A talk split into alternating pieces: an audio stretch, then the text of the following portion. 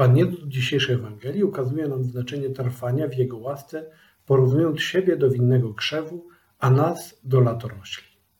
Nasze wysiłki, choćby po ludzku, były najlepiej przygotowane, nie będą prawdziwie skuteczne, jeśli nie będą wypływały z Jego mocy.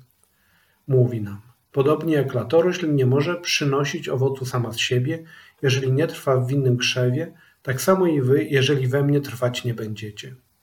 Ale aby móc wytrwać przy naszym Zbawicielu, potrzebujemy oczyszczenia. Każdą latorośl, która nie przynosi we mnie owocu, odcina, a każdą, która przynosi owoc, oczyszcza, aby przynosiła owoc obfitszy. Bóg swoich wybranych oczyszcza poprzez modlitwę, sakramenty, ale także i może przede wszystkim poprzez różne doświadczenia i cierpienia. I nie dotyczy to tylko nas, grzeszników, ale także i Najświętszej Maryi Panny, którą choć była bezgrzeszna, Pan Bóg doświadczył trudnościami i cierpieniami zgodnie ze słowami Symeona, a Twoją duszę miecz przeniknie. Dziś szczególnie rozważamy tajemnicę Maryi, bo 13 maja to wspomnienie Matki Boskiej Fatimskiej, a zarazem rocznica pierwszego jej ukazania się dzieciom z Fatimy.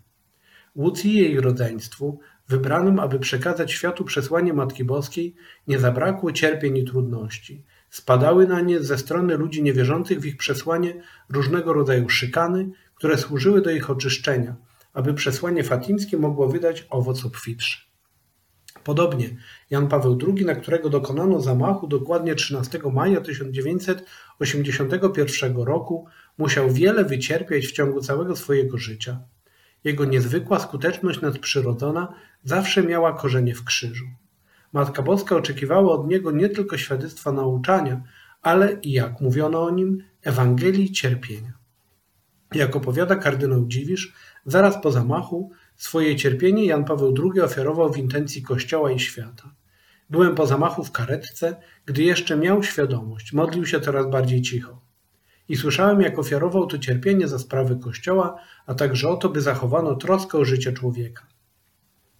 Gdy papież wyzdrowiał, zapoznał się z tajemnicami fatimskimi, odbył pielgrzymkę do Fatimy i zawierzył Europę oraz Rosję niepokalanemu sercu Maryi.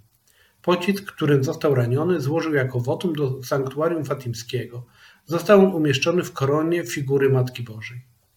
Święty papież, który był, jak mówił ojciec święty Franciszek, zatopiony w Bogu, a więc trwał zjednoczony z Chrystusem jak winna latorośl, przyniósł całemu światu obfity owoc nawróceń, powołań kapłańskich i zakonnych, przemiany serc, a także odegrał kluczową rolę w demokratycznych przemianach w krajach Europy Wschodniej. Było to możliwe tylko dlatego, że trwał w Chrystusie jak winna latorośl.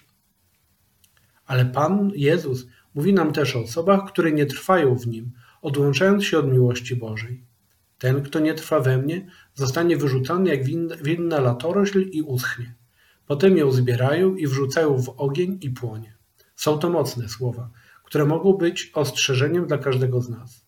Lekceważenie walki w życiu wewnętrznym, troski o wypełnienie codziennych obowiązków każdego dnia może doprowadzić do wewnętrznej oschłości, a co więcej do letniości, kiedy to sprawy Boże przestają być czymś istotnym w naszym życiu. Pan Bóg zapewne nie oczekuje od nas takich czynów jak od dzieci fatimskich czy od Jana Pawła II, ale na pewno oczekuje wiary prawdziwej i czynnej, wiary przynoszącej realne owoce w uczynkach i w naszym wpływie na otaczające osoby.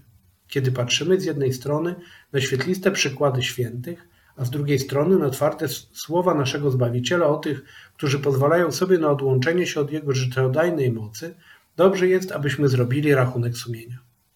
Czy można o nas powiedzieć, że rzeczywiście trwamy w wierze? Czy mamy konkretne postanowienia poprawy w naszym życiu? Czy nasza miłość do Jezusa i Najświętszej Maryi Panny jest rzeczywista? Czy może raczej jest to pobożność tylko sucha i formalna? Czy regularnie oczyszczamy się z naszych grzechów poprzez dobrze przygotowaną i pełną autentycznej skruchy spowiedź? Czy wreszcie widzimy w życiu owoce naszego apostolstwa? Jeśli nie, to może to być znak, że nie jesteśmy tak zjednoczeni, zjednoczeni z Panem Jezusem, jak powinniśmy i trzeba podjąć konkretne kroki, aby to zmienić. Warto to rozważyć, nie zapominając także o końcowej części Ewangelii, której Jezus mówi z kolei słowa pocieszające. Jeżeli we mnie trwać będziecie, a słowa moje w was, to proście o cokolwiek chcecie, a to wam się spełni.